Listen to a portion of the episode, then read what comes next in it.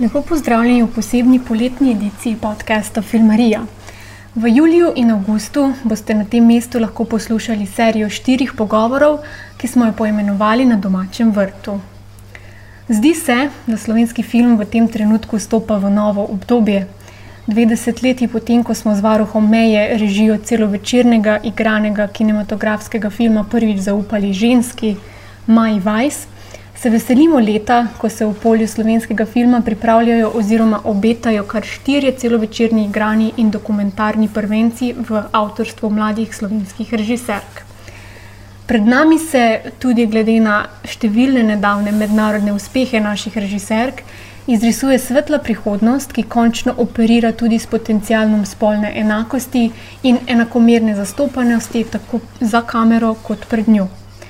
Kakšna bo prihodnost slovenskega filma skozi perspektivo mladih filmskih ustvarjalk, režiserk, igralk in producentk, kakšne so njihove izkušnje, obeti, želje in pričakovanja za naprej.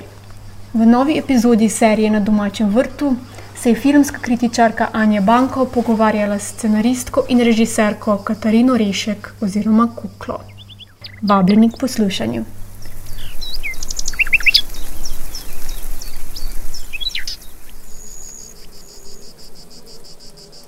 V tokratni epizodi podcasta, ki ga Fipreski pod okriljem Slovenskega filmskega centra pripravlja v sodelovanju z revijo Ekran, pozdravljam na drugi strani mikrofona ali kar računalniškega zaslona Kuklo.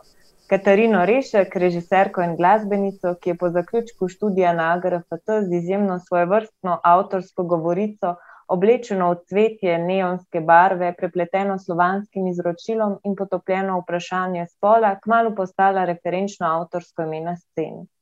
Njen kratki film Plavanje iz leta 2014, zgodba o najstnici in trku dveh kultur, je dobil nagrado za najboljši slovenski film na mednarodnem festivalu kratkega filma v Ljubljani Fek Video spot za komat Meduze za avantgardne hip-hop, rap, rap, legende metal iz leta 2015, pa je bil morda prvi video spot predstavljen v programu kratkih filmov na festivalu slovenskega filma in hkrati vizualno referenčna točka za celo obdobje alternativne ljubljanske scene, ki je v naslednjih letih več kot gotovo zacvetela.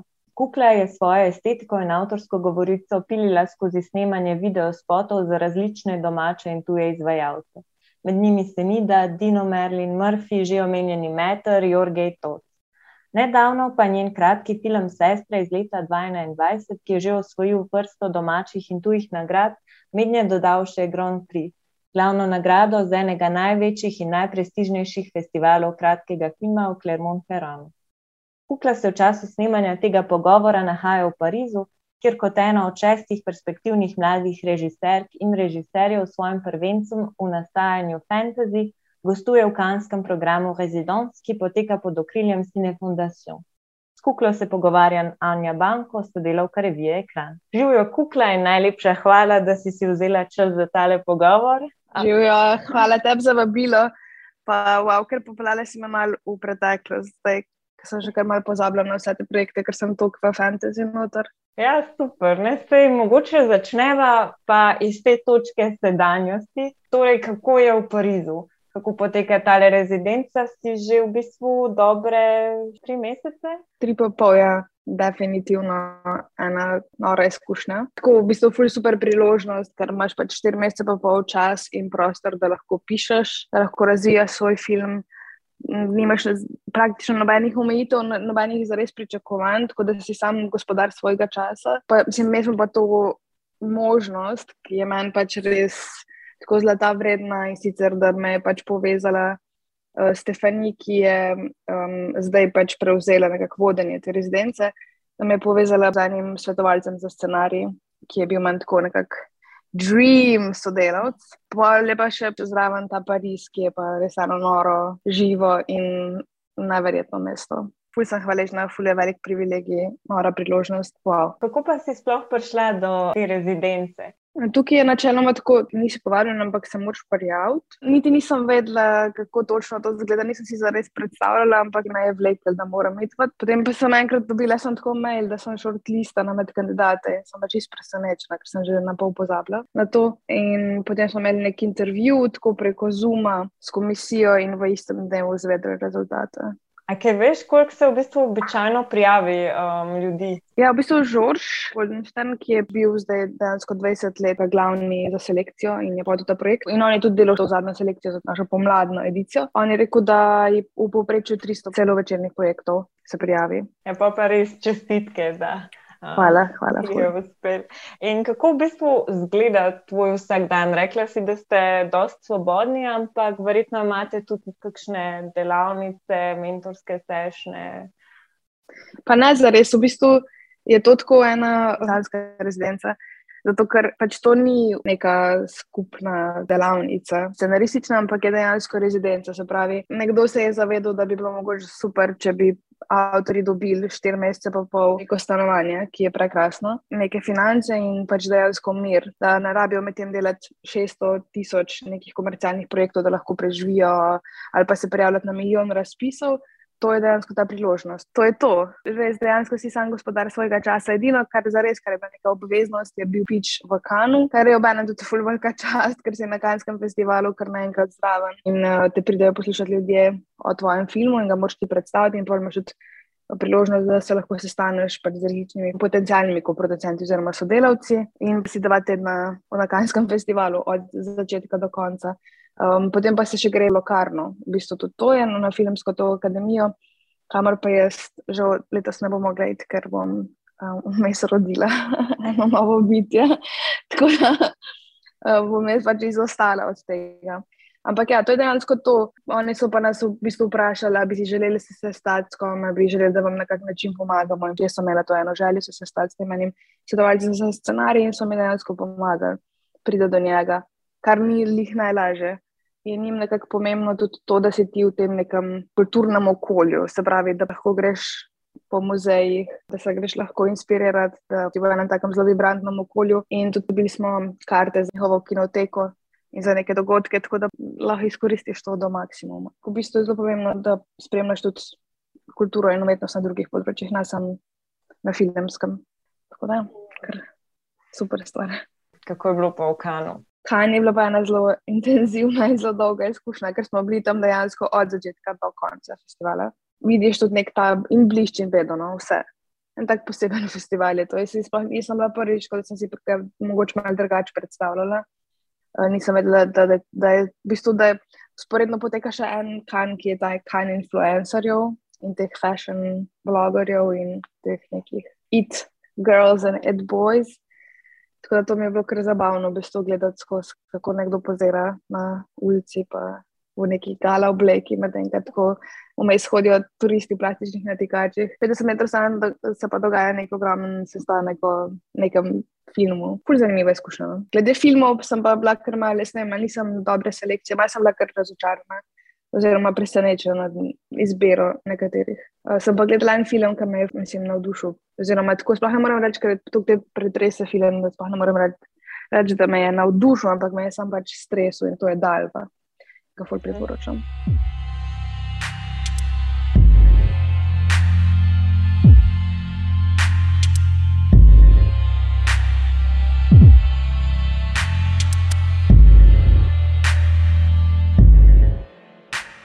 Kako se pa fantasy spremenja pod vplivom Pariza? V bistvu sem si kar res vzela to izkušnjo tudi za eno raziskavo, da spet se poglobimo v neko literaturo. Pa tudi v bistvu zanimivo je bilo, koliko likov fantasy sem srečala v različnih obdobjih na ulici. Tudi zdaj, ko sem hodila domov, eno, ko sem že parkrat videla. Se mi zdi, da s tem, ko sem začela delati s tem pač svetovalcem za scenarij, kar je pač ena fulpomembna vloga, ki jo zelo težko najdeš v naši regiji. Zdi se mi, da sem našla nekoga, ki je tudi začutil scenarij na isti način kot jaz in da ga lahko še poglobim. Zato, ker v bistvu se že pripravljam na kakšne snemanje, ki bo naslednje poletje oziroma konc poletja. Scenarij v bistvu že imam postavljen, ampak sem želela iti še v bolj globino. In se vemo vsi, da scenarij za res ni nikoli tako končan. Probaš ga poglobiti, probaš ga sfiniširati, iti v neke finalne in fine odločitve še čisto do snemanja ali pa celo na samem snemanju. Prvem bo petek scenarij na nek način odprta forma na snemanju, kot vedno je. Ej, pa kdo je tu sploh? Ne znam. Kaj dela kle? Kaj delamo mi tukaj? Kako sploh vidiš položaj mlade ustvarjalke ali mladega ustvarjalca v Sloveniji, pa v primerjavi mogoče s kolegicami in kolegi, ki si jih tudi zdaj srečala v okviru tega programa Residence. Tukaj smo se pravi ljudje iz skupaj Tina Nume iz Makedonije, Arvin Belermino iz Filipinov, Laura Vandel iz Belgije, uh, Andreje Pure iz Romunije in Florian Giger iz Švice. In je pač zelo zanimivo, ker v bistvu mislim, vidiš ogromne razlike med državami, sploh v tem, kako se financira, kako se daje neko podporo mladim. Bolj južno, ko greš, južni je je tužni, nažalost. Florin, ki je iz Švice, ima čist drugačne opcije in možnosti, kot mi, ki smo iz Balkana. Ali pa Arvin, ki je iz Filipinov, to pa je sploh neka čist druga, tudi politična atmosfera. Je zelo zanimivo je te razlike. Vidiš, kje si lahko ti hvaležen za nekaj, ampak tudi kjer si želiš, da bi se nekaj spremenil. Ampak načeloma se mi zdi, da razlika je v tem, da pri nas se, zdi, se zdaj v zadnjem času odpira nekako in trg in cela scena za mlajše avtorje. Medtem ko je to pač na zahodu že skozi trend, zato ker se skozi išče nove talente. Obstajajo skavti, ki jim je to primarna nekakšna dejavnost, najti nov talent. Medtem ko pri nas to definitivno pet let nazaj pač ni bila taka realnost. Ne? Zdaj pa se mi zdi, da se je nekako spremenil, pa da se dejansko tudi starejši futbol odpirajo za neke mlajše ideje. Pa dejansko zdaj je mogoče mal trendi biti ženska kar se nam zdi, v bistvu čisto ok, zato ker mi zdi, da če ne, če ne zdaj, kdaj. In pa se mi zdi, da čisto prav, da ženske tudi zajahamo ta val. Se mi zdi, da imamo tudi recimo v Sloveniji toliko enih res kvalitetnih umetnic, filmskih ustvarjalk. Je pa definitivno še vedno veliko teže se prebiti nekam, sploh v taki zelo moški industriji, to se vidi no? in to se čuti. Jaz sem tudi jaz take izkušnje. Tudi, kad delaš nekaj, mogoče malo bolj komercialne stvari, ni jih najlažje vedno vem, veš, v Grčiji, ki je bila politična situacija zelo obedna, še par let nazaj, pa se na nek način še vedno je. Naprimer, je brat pol grški novi val, ne? the weird wave. Pa v Romuniji isto, tako da na nek način, vedno, ko si postavljen ne vem, v nek kot, oziroma ko imaš neke restrikcije, jih hočeš presežti in pač nadgraditi to in iti ven iz tega. Tako da to je neka ta človeška narava, guess. Zdi se mi, da ti to skoraj čarovniško obvladaš. Ne vem, kako bi rekla. Za me bo zgleda tako dejansko. Ampak v bistvu jaz sem pač to neko pravilo, ki je tudi pravilo številka 8 v mojem kratkem filmu Sestre in to je ne smem se sama sebi. Mislim, dobro je čisto, da vrednotiš tudi svoje neke travme in svoje težke izkušnje in svojo bolečino, se zdi, da tega sploh ne smeš, ne smeš bežati, ampak na koncu dneva so to stvari, ki te delajo še močnejšo pal in pač noben mi ne more reči. Dobro je nekako tudi pogledati malo širšo sliko, ker jih to je fora. V primerjavi z eno Švico imam jaz stokrat slabše pogoje, ampak v primerjavi s Filipini imam pa tisočkrat boljše. Zdaj pa čisto odvisno od mene, kako se bom jaz postavljal v tem kontekstu. Ja, ker um, se mi zdi, da ravno z, z video spoti, ki si nekako začela um, svojo filmsko pot, kako v bistvu ti sploh se lotevaš samega video spota, kaj te recimo navdihne. In tako vsak projekt je nekakšna zgodba zase in vedno se mi zdi, da sem na začetku čisto z vsakim projektom. Vedno imam isti ogromen strah pri vsakem projektu. Pa tudi isto neko ogromno navdušenje, pa to neko strast, predvsem. Ampak je pa vsem, vsak projekt zgodba zase, čisto zaradi tega, ker pa so tudi avtori različni. Meni je pomembno, kako se počutijo glasbeniki, ko ga so ustvarjamo skupaj. To je pa predvsem pomembno, da ga so ustvarjamo, da je to tudi nekak del njihove zgodbe, da, da to ni samo moje videnje njihove glasbe. Mislim, včasih me dejansko sam neka melodija inspirira, včasih se bolj posvetim besedilu, včasih imam dejansko neke inspiracije že odprej, ki bi jih rada nekaj uporabljala, pa je pa pa se pa nekako dobro teme povežejo skupaj. Vedno je pa to prva stvar, ki jo naredim, je to, da preposlušam komat. Od 100 do 1000 krat po tem ne pretiravam, ker pač moram dejansko res ta komat preživeti in predelati v sebi, da lahko nekako pol vidim, kaj, kakšne slike se mi rišejo ob tem, ko ga poslušam, pa pa itek v montaži, pa itek še tisočkrat svojem. Kar se tiče pa filma, pa v bistvu me zanima ta nek spoj filma in video spota. Pa sicer to zelo zveni malo preveč eksperimentalno pa malo preveč pop, ampak v bistvu ni. Pa tako se mi zdi, da je video spot res že konec 80-ih, začetku 90-ih se res tok infiltriral v to človeško podzavest dojemanja audiovizualnega dela, da, da je res del našega vsakdanjika in da je zanimivo eksperimentirati pa še s to formo, znotraj ene večje forme oziroma jo preples. Ja, v bistvu se mi zdi, da se ful dobro spaja tudi z načinom pripovedi ki uporabljaš tudi v svojih filmih, ker ni te točne meje, skrb prepletata in prelivata realnost in svet, san, želja. Ja, zato, ker me v bistvu tako na nek način zelo zanima magični realizem, mislim, zanima me ta sanska logika. Joseph Kanker je rekel: Music videos don't have logic, they have dream logic, because music. To je neko vodilo, definitivno. Ker pač itak racijo pa uporabljamo med tem, kaj delamo film. To pa je tako neizbežno. Pa v bistvu je film, če je pač pravilno celostno obravnavanje, to je ena zelo natančna umetniška forma. Kaj pa video spoti, ki so tebe navdihnili? Ja, ogromno jih je, res ogromno. Um, definitivno zgodni spoti Madonna in Bjork, to so bili neki res nori stvari. Pač, mislim, da so stvari, ki jih je delo Gondri ali pa Hype Williams ali pa Spike Jones, to so res neke ikonične stvari, ki so nekako oblikovali moje otroštvo, definitivno, ker sem bila prelepljena na nek čas na MTV. Zanimivi so mi zdaj neki sodobni avtori, kot so Romain Gavras, Kanada, veliko teh režiserjev, ki so v Iconoklastu ali Mega Force, ker pač delajo neke zelo progresivne stvari in ko se. Veš, dejansko zabavijo, to vidiš. Tak, oni, ki delajo spot, pač, da se zabavijo. In to je tudi ful, ena dobra stvar. Se mi zdi, da tako smo včasih tako togi ali pa neki tako uh, preveč, da nas je strah. To, te ljudje pa se mi zdi, da tako s pogumom grejo vse te projekte. Ful težko bi pač zdaj rekla, ker bi tako zdaj, ko bom rekla, ne vem, oh, od, uh, veš, all is full of love, oh, pa pa takoj pomislim, joj, bad girls, od Emma je, pa pa bom takoj pomislila na Born Free, od Emma je isto, pa pa bom pomislila na Justice, od uh, Justice Stress. In glavno, pa gre pa lahko sam še naprej nazaj, veš, tako. Ja, nekaj taka neskončna mreža podob, v bistvu. ja, ja, definitivno. Mislim, da tako res je toliko dobrih stvari narejenih na tem svetu. Včasih se kar čudim, kako se nam še da sploh še naprej ustvarjati. Ampak nekako se mi zdi, da vse na koncu najde svojo publiko. Dete ruža, sama v šumi, pa ma v kosi, moja kosa je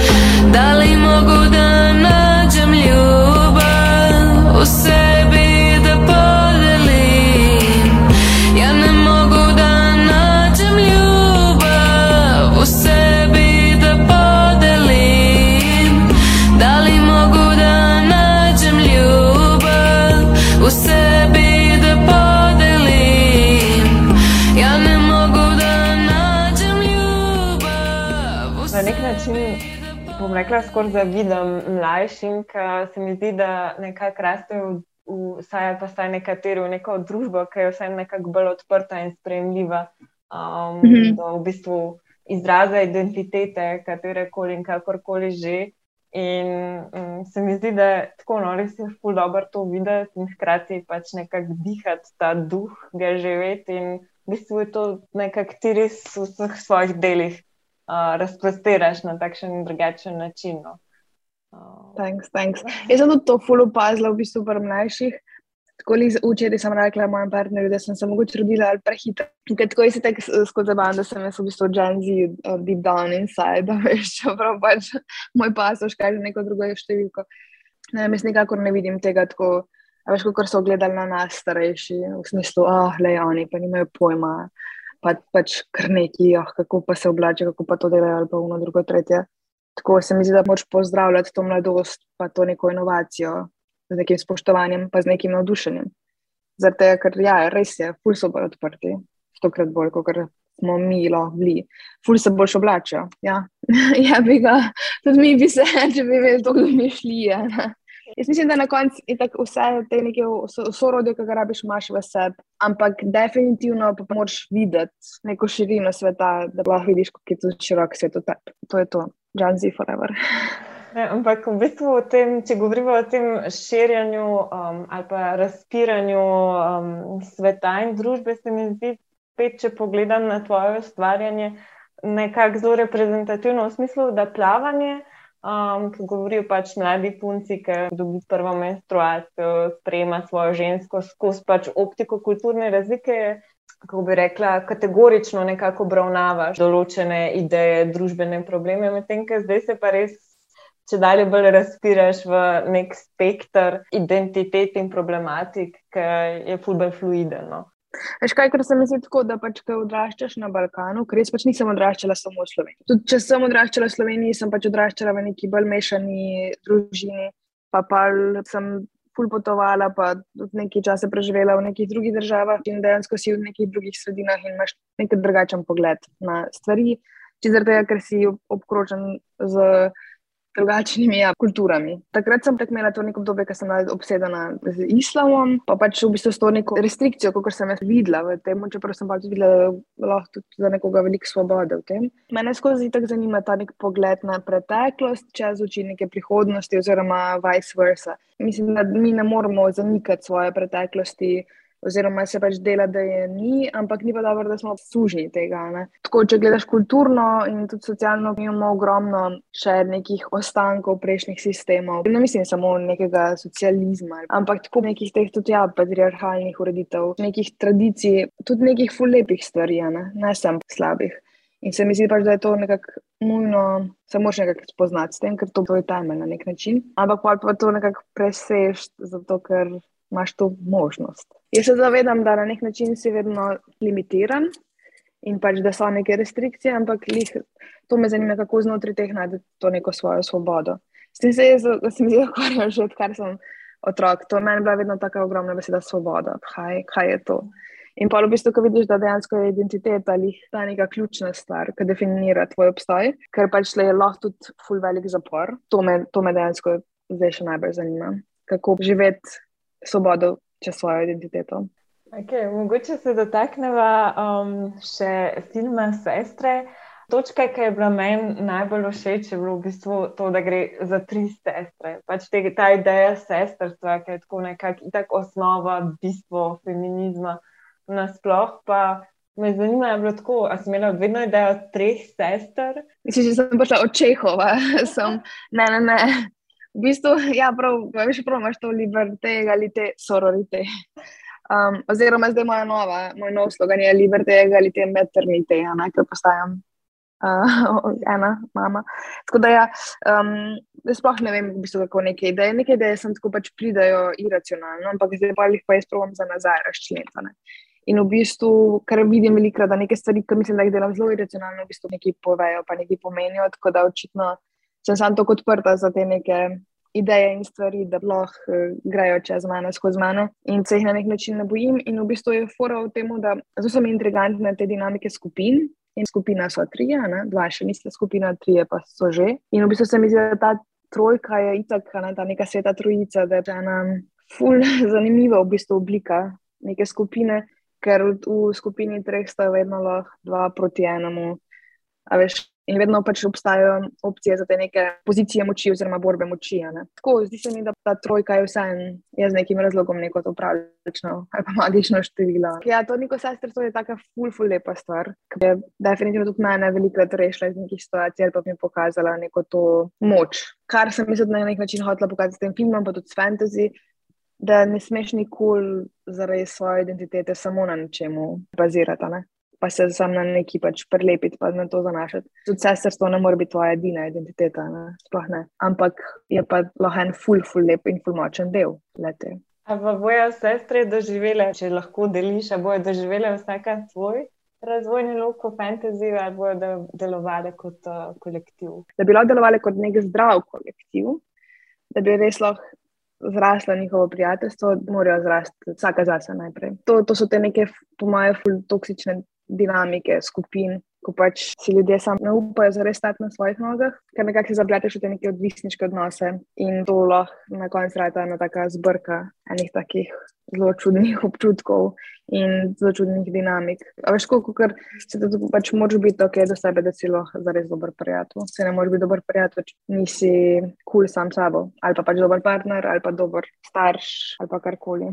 Mogoče se dotaknemo še ene malce take um, aktualne teme in sicer snemanje intimnih prizorov v filmih, ker tudi v tvojem filmu v Sestrah je pač prizor spolnega napada in zdaj v tujini je um, koordinator intimnih prizorov v Ratu že stalnica ali pa obveznica, bi lahko rekla, na snemanju, mm. kako, kakšne so tvoje izkušnje.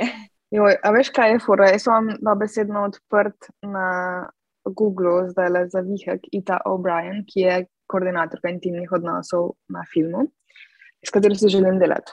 Ker v bistvu se s producentko Barbara Daljavec, ki pač dela, ki so skupaj delali sestre in delajo tudi fantasy, skupaj že pogovarjali o tem, da definitivno, zato ker bo v fantasy še več nekih intimnih scen, definitivno bo to nekdo, ki bo zraven na svetu z nami. Ker um, mislim, da to pri nas je pač zelo težko najti nekoga, ki se s tem ukvarja, pa ki ima s tem neke izkušnje. Mislim, da bi prej lahko našli mogoče neke terapeute, ki imajo nekaj, recimo, več izkušenj z fizičnim delom terapije ali pa nekaj takega, za snemanje pa tega res ni. Mislim, nas se zdi, da Max, kar je, je tako dresiranje živali um, pa posebni efekti, ni pa svetovalcev za scenarij, pa ni pa koordinatorjev in tim. Ampak le pač to je pač mejna scena, ni za enoben za zamer, se je tudi ne vem, koliko bi kaj imeli za razdela. Predvsem med temi gibanji, ki so se v zadnjih letih začela dogajati. To je recimo neka stvar, za katero sem imel pripravljen tudi dejansko nekoga iz tujine, da dela z nami, ker je pač v bistvu ful pomembno. Mi smo sicer imeli koordinatorja pretepa na sestrah, ki je pač delal z nami, se pravi, tako da so vse te stvari varne, ne, da se ne da priti za res, da se vsi počutijo varno in da pač ne, ne prideš do neke nove zlorabe. Zato, ker zakaj bi se enrabno tega ne? Mislim, da smo to že presegli, tudi ta nek mit tega režiserja, ki zlorablja vse okoli sebe in s tem dela to prekrasno, wow, umetnost, mislim, kar neki.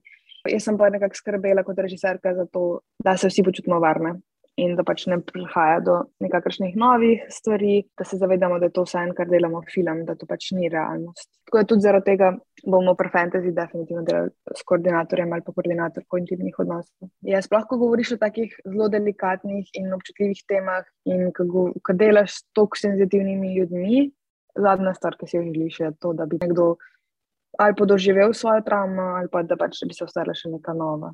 Mm. Definitivno, not in this house.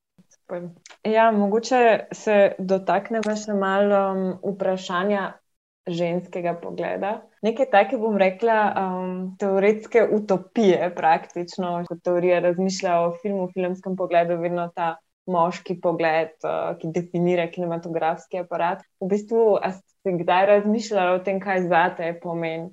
ženski pogled. Jaz ful razmišljam o tem. Tudi v bistvu imela sem recimo na nekih pičih, ki sem jih izvajala letos na nekih teh festivalih ali pa filmskih forumih, tudi nekaj zaključek na to temo. Čisto v smislu, da je bilo to žensko oko res ful zakopano. A veš, Bordju je rekel že sam, da je pač ta um, moška dominacija tako upeta v našo kolektivno podzavest, da je sploh več ne zaznamo. Ne?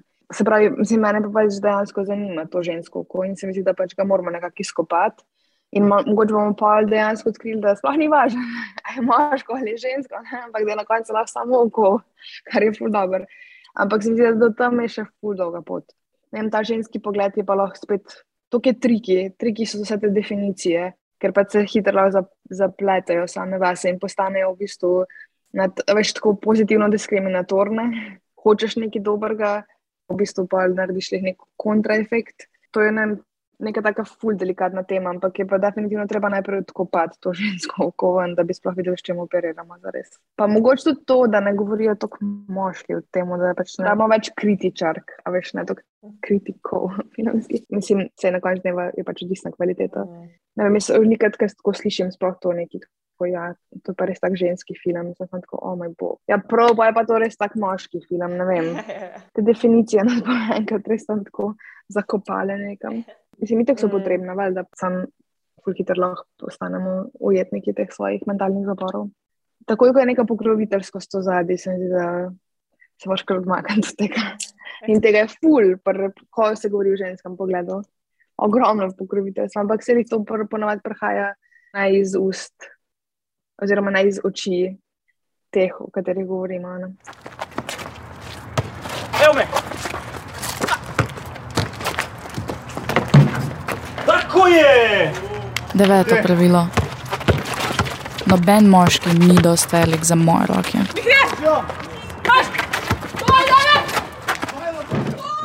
Kakšni so pa kaj tvoji načrti, obeti za prihodnost, kot um, avtorica podočega celovečernega prvenca, kot uh, glasbenica, kot mama, ne na zadnje? Ja, ta zadnja je najbolj skeri. Identitet.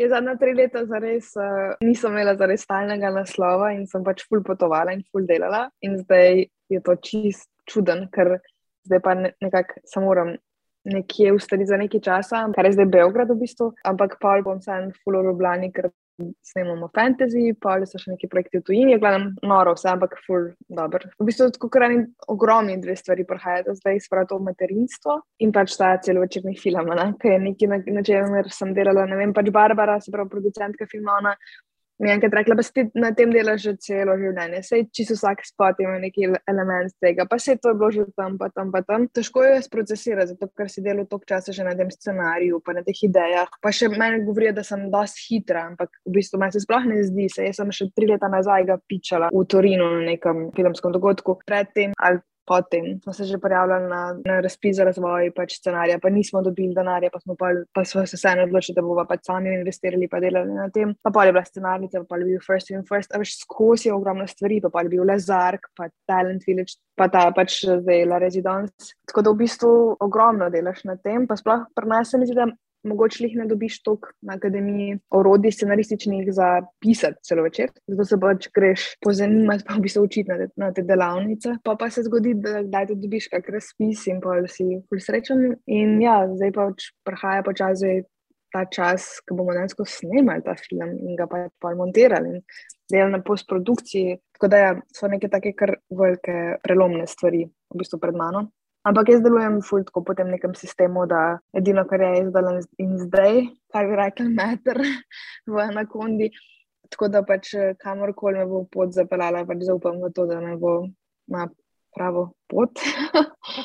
Ampak ja, imam pa valjda full planov. Pač, tako se imam tudi že naslednji projekt po fantasy. Nekako v misli. To v bistvu so dotikali še enega drugega polja, kar mi je fulj zanimivo. Ne, nekako sem odpovedala sem se glasbi, čeprav pa na skrivaj skozi delam zraven. Ampak bomo videli zdaj, kako bo. Pa tudi, pa, če bi se jaz začela delati na komercialnem področju, reklame in vse, kar pa mi ni samo day job, mi je spet to mi je neki izziv, kako narediti neko dobro reklamo, ker sploh tam si pa res limitiran.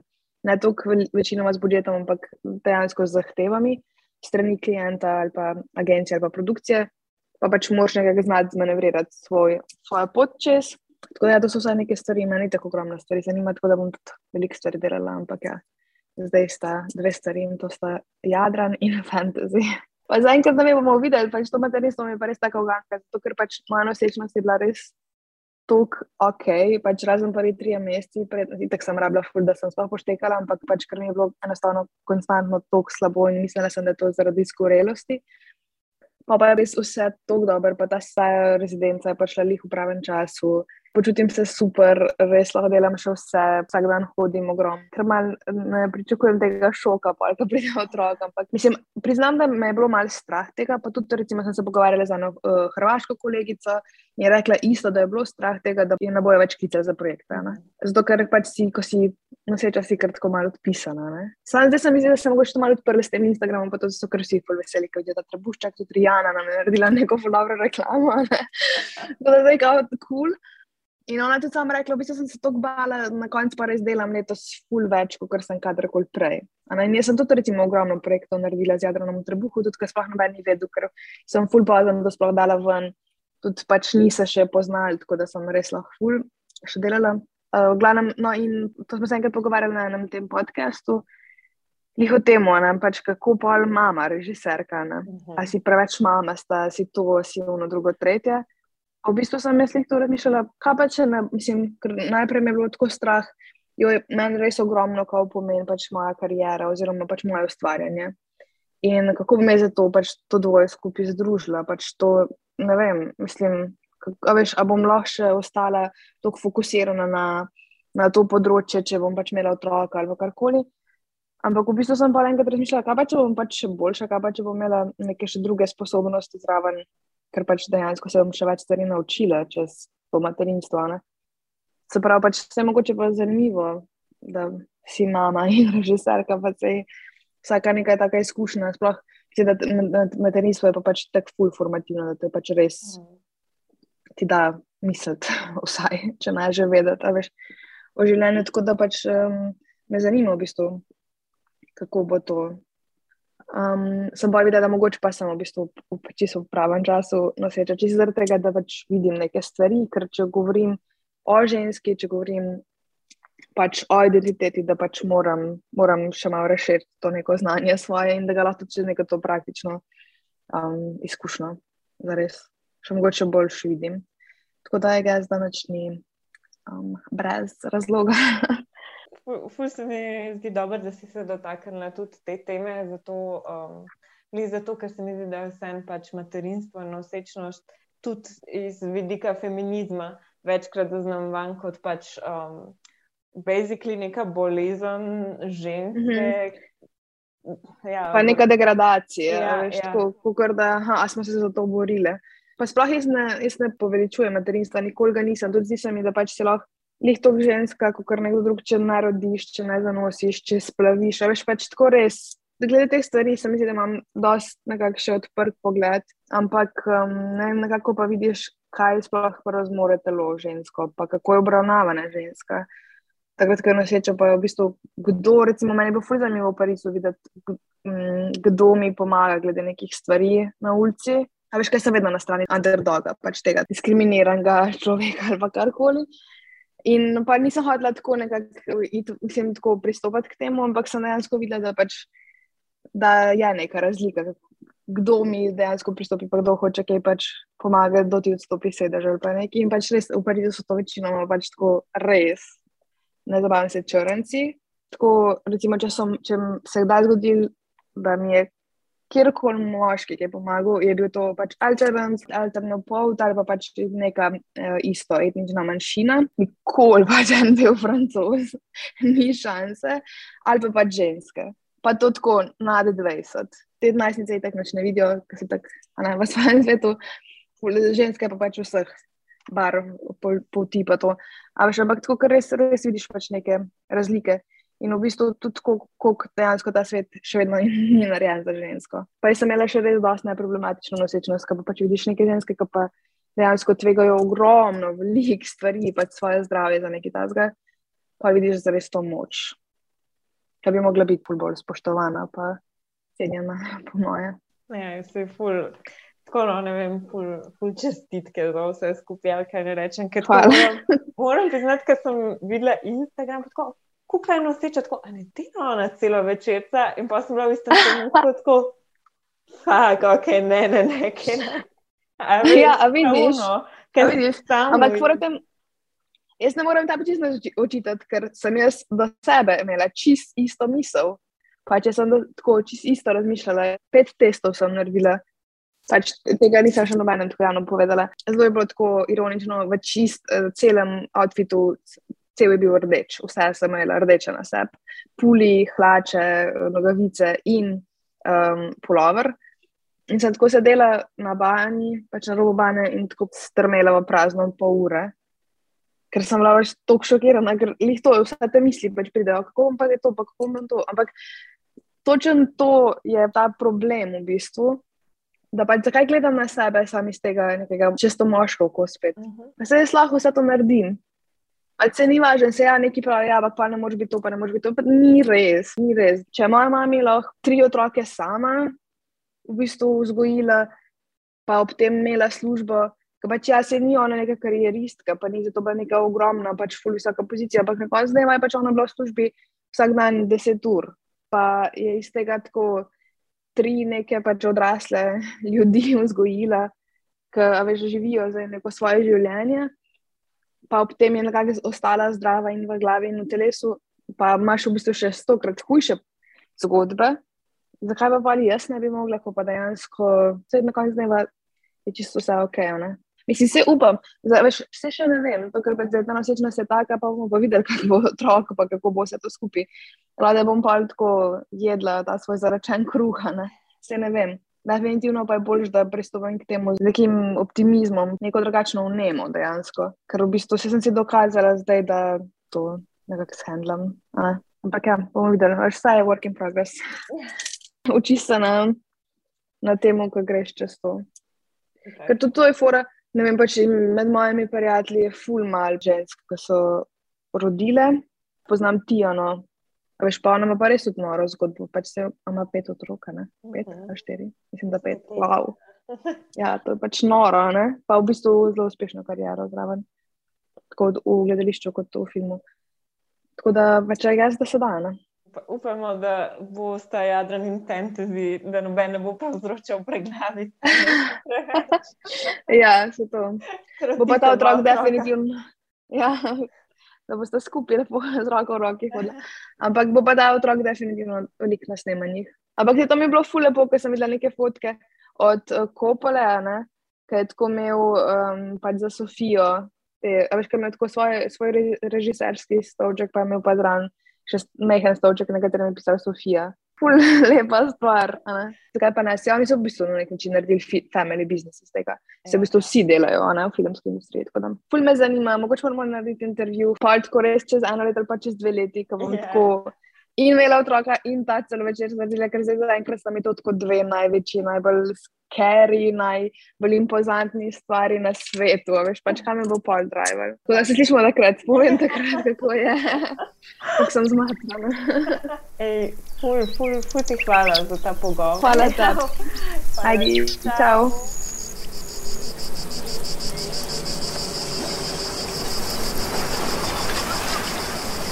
Serija štirih poletnih pogovorov na domačem vrtu, ki jih lahko v krajši in bolj zgoščeni obliki berete tudi v reviji za film in televizijo Ekran, je nastala v sodelovanju Društva slovenskih filmskih publicistov in publicistk Fejpreski, revije Ekran in Društva slovenskih režiserjev in režiserk oziroma njihovega podcasta Filmarija ter s podporo Slovenskega filmskega centra.